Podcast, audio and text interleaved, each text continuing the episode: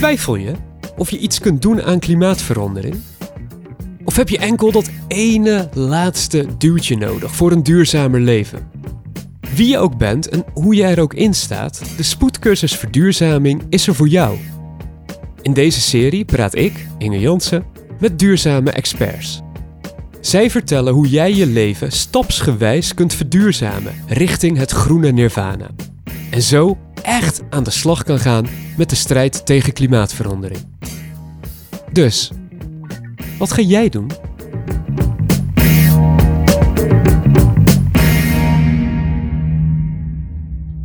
Yes, je bent bij de allerlaatste stap van de spoedcursus klimaatverandering.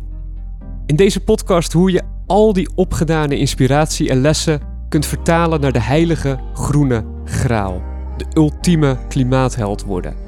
En dat in een klein half uur. Goed, goed. Zo makkelijk wordt het natuurlijk niet. Het leven van jezelf en je omgeving radicaal op zijn kop zetten vraagt veel van je. Heel veel. Bovendien is er ook veel dat niet mogelijk is. En hoe hou je dit allemaal vol? Om antwoorden te vinden op al deze vragen praat ik in deze podcast met Jessie Kroon. Samen met haar zus Nikki leeft zij sinds 2014 Zero Waste.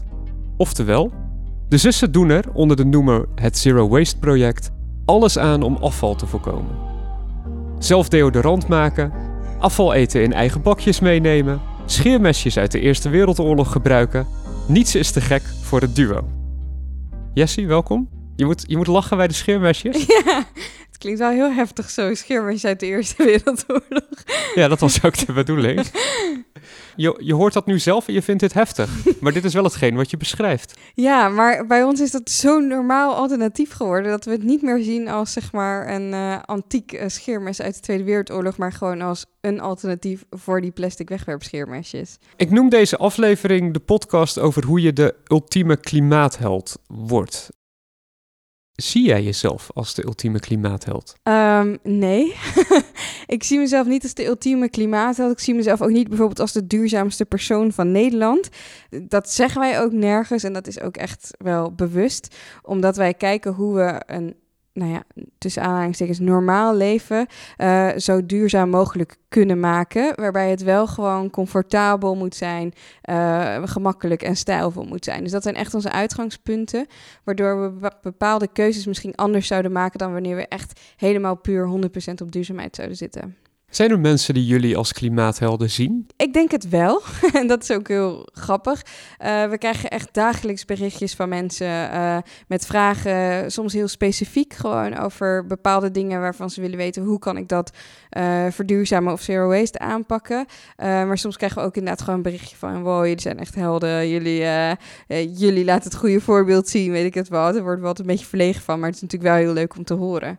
Want uh, het laat ook zien dat wat we doen ook wel effect heeft. Samen met je zus Nikki startte je in 2014 het Zero Waste project. En daarmee komen jullie in alle media. Je gaf het zelf aan. Jullie hebben ook net een boek uitgebracht daarover. Jullie staan op evenementen, congressen. Jullie houden je ervaringen minutieus bij op jullie blog en social media. Maar even helemaal terug naar het begin. Wat is precies zero waste? Zero waste uh, heeft heel veel definities, uh, maar voor ons betekent het eigenlijk een levensstijl met zo min mogelijk uh, afval, zo min mogelijk impact en ehm, zoveel mogelijk duurzame keuzes. Dus dat zijn eigenlijk de drie uitgangspunten, waarbij we de principes van de vijf R'en aanhouden. Uh, die zijn bedacht door uh, Bia Johnson. Dat is eigenlijk de grondlegger van de hele zero waste lifestyle. Um, en het zijn uh, principes die eigenlijk in de techniek of in de industrie al heel lang gebruikt werden, maar nu op het huishouden zijn toegepast. En die vijf R'en zijn refuse, reduce, reuse, recycle en rot. Uh, en het belangrijkste daarbij is dat ze dus in die volgorde ook zijn. Dus het begint allemaal bij refuse, weigeren wat je niet nodig hebt. En dat gaat van bijvoorbeeld een, uh, een rietje in je drankje uh, op een terrasje tot nou ja, overbodige spullen of, of overbodige vliegvakanties, noem maar op. Um, en daarna krijg je dus reduce, verminderen Uh, reuse, direct hergebruiken. Daarna pas recycle en als laatste rot, dat is composteren. Als je alles zeg maar in die volgorde zou aanhouden, zou je ook eigenlijk alleen nog maar organisch afval uh, over moeten hebben in, in de meest ideale situatie. Hoe ver zijn jullie? Zero waste impliceert zero waste. Ja. zitten, zitten jullie al op nul? Nee, het grappige van zero waste is dat zero eigenlijk gewoon een onhaalbaar doel is. Je kunt in deze maatschappij nooit nul waste hebben. Ergens in de keten zal vast wel een verpakking gebruikt zijn of, of, of iets van uh, grondstoffen verloren zijn gegaan. Maar de sport is om zo dicht mogelijk bij dat doel te komen. En elke stap die je zet, is er weer eentje dichter bij dat doel. Uh, en dat is heel erg leuk. En als we ook kijken naar ons afval, gewoon echt praktisch, dan hebben we ook echt nauwelijks uh, meer uh, afval in vergelijking met nou ja, onze andere generatiegenoten, zou ik maar zeggen. Waar hebben we het over? Zit er een verhouding in? nou, je hebt zero wasters die het echt in zo'n wekpot bijhouden. Dat doen we expres niet, omdat daar alleen het niet recyclebare afval in zit. En eigenlijk bij Zero Waste kijk je ook dus naar je papier, naar je glas, uh, noem maar op. Wij zitten op ongeveer een linnen tasje, daar bewaren we het in, dus zo kunnen we het een beetje inschatten. Een linnen tasje aan uh, glas en een linnen tasje aan papier per maand à twee maanden. En een linnen tasje aan plastic per kwartaal ongeveer, zelfs iets meer. Het verschilt ook heel erg. Als je gaat verhuizen heb je weer iets meer uh, verpakkingen bijvoorbeeld dan wanneer je gewoon nou ja, door de weekse week hebt. maar daar moet je ongeveer aan denken. Wanneer wordt zoiets maniacaal? Ik denk als je dat, uh, als je puur gaat focussen op wat er niet lukt. En dat hebben we ook in het boek wel beschreven. Op een gegeven moment zaten we best wel in een dipje. Uh, omdat we gewoon ons veel meer gingen verdiepen, ook in de problemen erachter. En dan pas denk je echt van, wow, shit, waar zijn we mee bezig als mensheid ook? Uh, we gebruiken de oceaan gewoon als, als afvoerputje, bij wijze van spreken. Um, en dan, nou ja, als we dan bijvoorbeeld een drankje bestelden op het terras en we zeiden zonder rietje en we kregen het alsnog met een rietje, dan was onze hele dag verpest. Toen we dachten, ja, maar snappen die mensen het dan niet? Uh, uh, maar op een gegeven moment zijn we gekeken, gaan kijken naar de dingen die wel lukten en dan hou je het gewoon vol. Dus ik denk dat het manicaal wordt als je, als je alleen maar op het negatieve gaat focussen en daar kom je überhaupt niet verder mee. Dus dat raden we ook iedereen af. Waar ben je het meest trots op? Wat je veranderd hebt waardoor er minder afval is ontstaan? Ik denk dat waar ik het meest trots op ben, is uh, de hele verandering in mijn kledingkast. Uh, want uh, Zero Waste gaat natuurlijk ook heel erg over wegwerp. wegwerpmaatschappij, wegwerpproducten. Mijn kledingkast hing vol met kleren van fast fashion ketens. Een H&M, een Primark, een, nou wat heb je allemaal voor, een Zara, noem maar op. En ik was het meisje met de 80 jurken, zeg maar. Omdat ik zoveel van die goedkope jurkjes in mijn kast had hangen. En dat vond ik helemaal uh, de shit. Uh, totdat wij ook gingen beseffen dat dat ten eerste uh, nou ja, slechte kwaliteit is. Het is gewoon gemaakt om uit elkaar te vallen. maar ten tweede dat daar dus ook heel vaak plastic in zit. 50% van de wereldwijde kleding bestaat uit plastic. Dus dan moet je denken aan polyester, nylon, dat soort materialen. Die als je het wast of draagt ook weer hele kleine stukjes plastic aan het milieu afgeven. Uh, dus om die reden zijn we daar eigenlijk ook mee gestopt. Hebben we een soort shift gemaakt in onze kledingkast. En als ik nu kijk naar mijn kledingkast, dan ben ik veel blijer met wat erin hangt. Het zijn veel minder producten, maar wel van betere kwaliteit. Um, en, um, ja, en, en van goede materialen. Dus we kijken altijd, of we nou in een vintage winkel zijn of in een duurzame modewinkel. We kijken altijd naar het label en waar het van gemaakt is. En wat ik heel tof vind, waar ik ook wel echt een beetje een soort trots op ben, is dat ik zonder moeite zo'n H&M of een Primark kan passeren. Ik heb helemaal niet meer de behoefte om daar überhaupt naar binnen te lopen. En dat was in het begin wel anders, want dan dacht je, ja, maar oeh, hangen daar wel hele leuke dingen. Omdat ze natuurlijk zo ontrend zijn, dat je denkt van, oeh, daar moet ik ook wel uh, in meegaan. En nu heb ik dat helemaal niet meer. Dus dat vind ik heel fijn. Wat heb je opgegeven na te streven zonder afval te doen? Er zijn gewoon items die, die je gewoon niet zonder verpakking kunt krijgen. Moet je denken aan medicijnen bijvoorbeeld.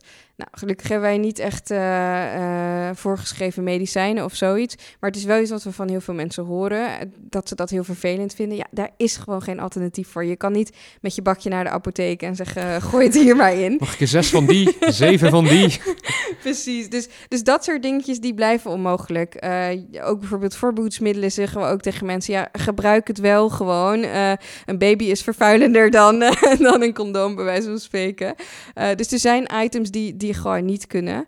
Um, maar dat is ook oké, weet je. En het grappige is dat er ook gewoon steeds meer, zeker als je kijkt naar de afgelopen jaren, hoe, hoe dat is toegenomen, steeds meer mensen zijn die daar ook mee aan de slag gaan en denken: hé, hey, hoe kunnen we dit misschien ook eens anders doen?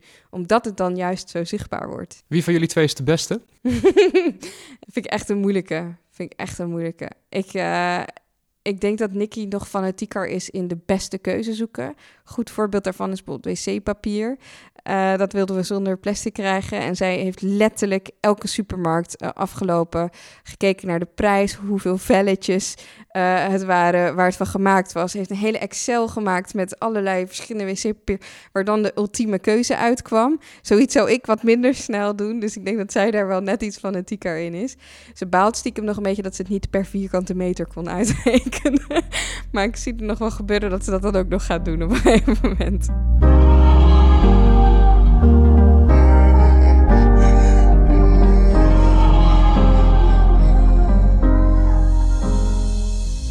In de spoedcursus Klimaatverandering ga ik met de luisteraar zeven stappen langs. Ook jij, Jessie? De ultieme klimaatheld was ooit, net als ons, een gewoon mens. Onderaan de duurzaamheidsladder. En ook jij zult nog regelmatig terugvallen naar een van die eerdere fasen. Ik wil daarom graag met jou kort elke stap doorlopen om te kijken wat we daarvan kunnen leren. Stap 1. Je gelooft in het probleem van klimaatverandering en milieuproblemen, maar geloof niet dat er nog wat te redden valt. Heb jij nog wel eens momenten dat jij je hopeloos voelt? Dat je bezig bent met je scheiden, met je voorkomen, alles. En dat je denkt, de wereld vergaat. Het doet er allemaal niet toe. Ja, je zegt het alsof, het alsof je het amper durft toe te geven. Nee, die momenten heb ik zeker. En waar, waar ik dat vooral heb, is uh, op conferenties. Dus uh, wij gaan heel veel naar, uh, of heel veel, wij gaan in ieder geval naar de conferenties die ertoe doen op ons gebied. Dus dan moet je denken aan Plastic Strategy of het grondstofakkoord, dat soort dingen. Um, uh, en nou ja, ik was in Brussel bij de Europese Plastic Conferentie. En dan zit je dus ook echt tussen de lobbyisten. Die gewoon zeggen: Ja, maar jongens, uh, uh, wij van de cosmetica-industrie hoeven helemaal niks te doen. Want autobanden, dat is pas echt erg, weet je wel. En of ja, maar mensen willen gemak. Dus wij kunnen dat niet zomaar veranderen. De mensen vragen hiernaar. Wij maken alleen maar wat mensen vragen. Nou, noem maar op dat soort dingen. En dan kom ik echt met zo'n rood hoofd, helemaal kolkend, uh, kom ik dan die zaal uit. Omdat ik denk, snappen deze mensen het nou niet? Of hoe zit het nou? We, we kunnen ons dit niet veroorloven. Ehm, hebben zij niet ook al die documentaires gezien? al die onderzoeken gelezen die er nu uit zijn gekomen? Um, dus dat kan heel frustrerend zijn. Wat doe je dan om dat ehm, op te lossen? Ons uitgangspunt is om dus via de consumenten, via de mensen zelf, een beweging in gang te zetten, waardoor van die grote bedrijven en politiek er niet omheen kunnen. En je ziet dat dat eigenlijk al heel erg aan het gebeuren is. Als je vergelijkt vier jaar geleden en nu, wat er allemaal gebeurt op het gebied van uh, afval, wat er mee bezig is, wat voor plannen er mee gemaakt zijn. Uh, nou ja, dat een Europese Commissie nu dus ook uh, nou ja, voor lijkt te gaan stemmen voor eh, die wegwerpartikelen. Dat is allemaal echt heel erg mede dankzij die vragen van consumenten die zeggen: hé, hey, maar ik wil dit eigenlijk helemaal niet meer. En van die toffe acties zoals uh, de Plastic Soup Surfer met beach cleanups.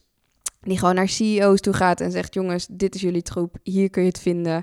Uh, Dirk Grote Zwervinator is daar ook een heel goed voorbeeld van. Die brengt alles in kaart, waardoor mensen er niet meer omheen kunnen. Um, dus, dus dat is zeg maar hoe wij met die hele movement willen, verandering willen brengen. En daarnaast blijven we natuurlijk altijd in gesprek met politiek, met bedrijfsleven. Maar gaat ook wel erg langzaam, vinden wij. Stap 2. Minder vlees eten, vaker de fiets pakken, korte douchen. Duurzaam handelen is op papier niet moeilijk. Maar heeft het ook echt zin? Je weet niet zeker of je wel het juiste doet. Wat vond jij het meest complex voordat jij deze keuze hebt gemaakt voor die zero waste beweging, richting. Je had ook een duurzame energie-startup kunnen beginnen. Oh, zo, ja, ja. Uh, je had ook kunnen zeggen, ik ga in een ander land wonen. Mm. Maar jij hebt gekozen voor afval. Ja. Waarom? Het is heel zichtbaar en het is heel concreet. En um, het is iets onnodigs, weet je wel. Dat, dat is ook. En dat geldt voor meer dingen. Natuurlijk, uh, slechte energie en dat soort dingen is ook allemaal onnodig. Maar het fijne van Zero Waste is dat het eigenlijk een soort van paraplu is... waaraan je al die dingen ook kunt hangen. Dus het betekent niet dat wij alleen maar met afval bezig zijn... en ons 100% op afval focussen. Nee, we trekken het door naar eigenlijk alle keuzes die we maken. Dus ook uh, hoe vervoeren we onszelf... Uh, nou ja, welke energieleverancier kiezen we, noem maar op... En dat kun je allemaal weer onder die zero waste kapstok hangen eigenlijk. En ik denk dat ik dat er misschien ook heel erg fijn aan vind. Dat je eigenlijk elke keuze er gewoon aan op kunt hangen. Stap 3. Terwijl je duurzaam bezig bent, zie je de wereld nog steeds verder wegzakken. Je gaat je steeds schuldiger voelen. En daardoor verlies je je plezier in wat je doet en vind je duurzaam leven eigenlijk helemaal niet zo leuk. Wat vond jij de moeilijkste keuze om te maken, waar je echt van baalde? Dat je dacht. Uh, ik denk dat dat in het begin heel erg was. Want uh, nu ook bijvoorbeeld deze stappen, hè, dit, dit gebeurt heel erg als je heel snel dit allemaal wil uitvoeren. Dat hadden wij in het begin ook. We dachten, we gaan in 30 dagen zero waste. Dan is het super moeilijk, want alles is gewoon ineens slecht tussen aanhalingstekens. Je moet ineens over alles nadenken. Huh, kan ik dan nooit meer Ben Jerry's eten? Huh, kan ik dan nooit meer een zak chips opentrekken? Weet je wel, dat soort dingen. En dat vond ik heel moeilijk. Dan dacht ik echt, ja, maar hallo, dat wil ik niet. Ik wil ook gewoon uh, uh, dat nog gewoon kunnen doen. Ik wil ook nog gewoon naar festivals kunnen gaan. Ik wil ook nog gewoon uh, op vakantie kunnen gaan, noem maar op. maar door het eigenlijk daarna, na die 30 dagen, zijn we het heel geleidelijk stap voor stap gaan aanpakken. dus als er bijvoorbeeld iets op was, gingen we kijken waar we het voor konden vervangen. En of er een goed alternatief voor was. Zo niet, bleven we het nog gebruiken. Uh, en na een tijdje gingen we dan weer kijken van... hey, hebben we het eigenlijk nog nodig? Of is er inmiddels wel een alternatief? Nou, zo zeg maar het aanpakken. En dat werkte veel beter. Want dan kun je veel makkelijker uh, die keuzes volhouden. En dan voelt het niet als een soort van muur waar je tegenop loopt of, of, of iets waar, of een golf die over je heen komt waarvan je denkt, wow, hoe ga ik dit nou eens aanpakken? Wat mis je nu nog het meest? Um, nou, het grappige is dat ik niet echt dingen mis, omdat wij daar ook een soort van systeempje voor onszelf voor hebben gebouwd. Uh, bijvoorbeeld als wij op feestjes zijn of als we bij vrienden zijn of dat soort dingen, dan kunnen we daar gewoon alles eten wat er staat.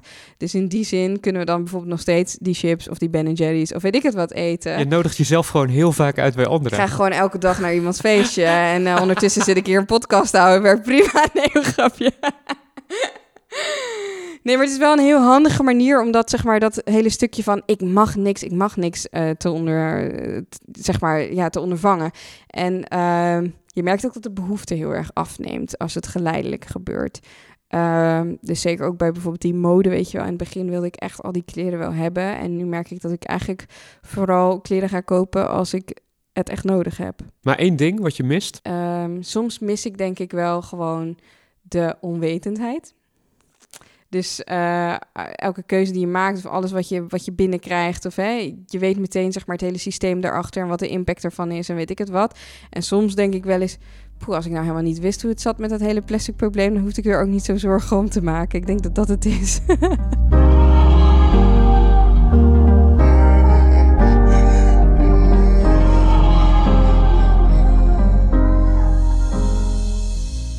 Stap 4. De meeste tijd en energie van je leven besteed je al gauw aan je studie of aan je werk.